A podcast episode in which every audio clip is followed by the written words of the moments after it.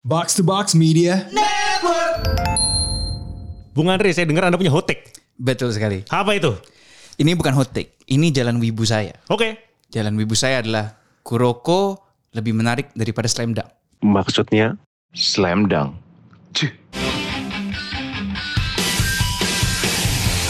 Jadi yang pertama, saya tuh sering mendengar bahwa oh Kuroko tuh bukan anime basket, dia anime berantem gini-gini dengan jurus-jurus blablabla." Sep.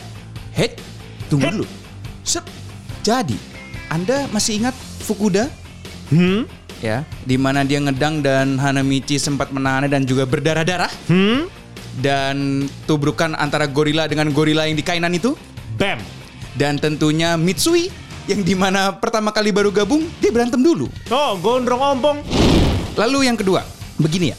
Saya juga sering sekali orang-orang itu kalau ngomong sama saya yang sosok mau mencerahkan saya itu bilangnya, "Oh, tapi lagu Slam Dunk tuh lebih terkenang gitu daripada lagu Kuroko. Lagu Kuroko tuh jelek-jelek semua, nggak ada yang menarik. Tunggu dulu." Oke.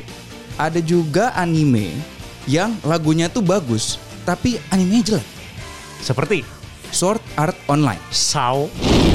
Nah, yang terakhir, begini ya. Bagi kalian yang sering ngomong ke gua dan sosok memberikan gua eh, pencerahan tentang slam dunk apa segala macam, tunggu dulu. Anda jangan sosok mencerahin saya. Wait. Wait a minute.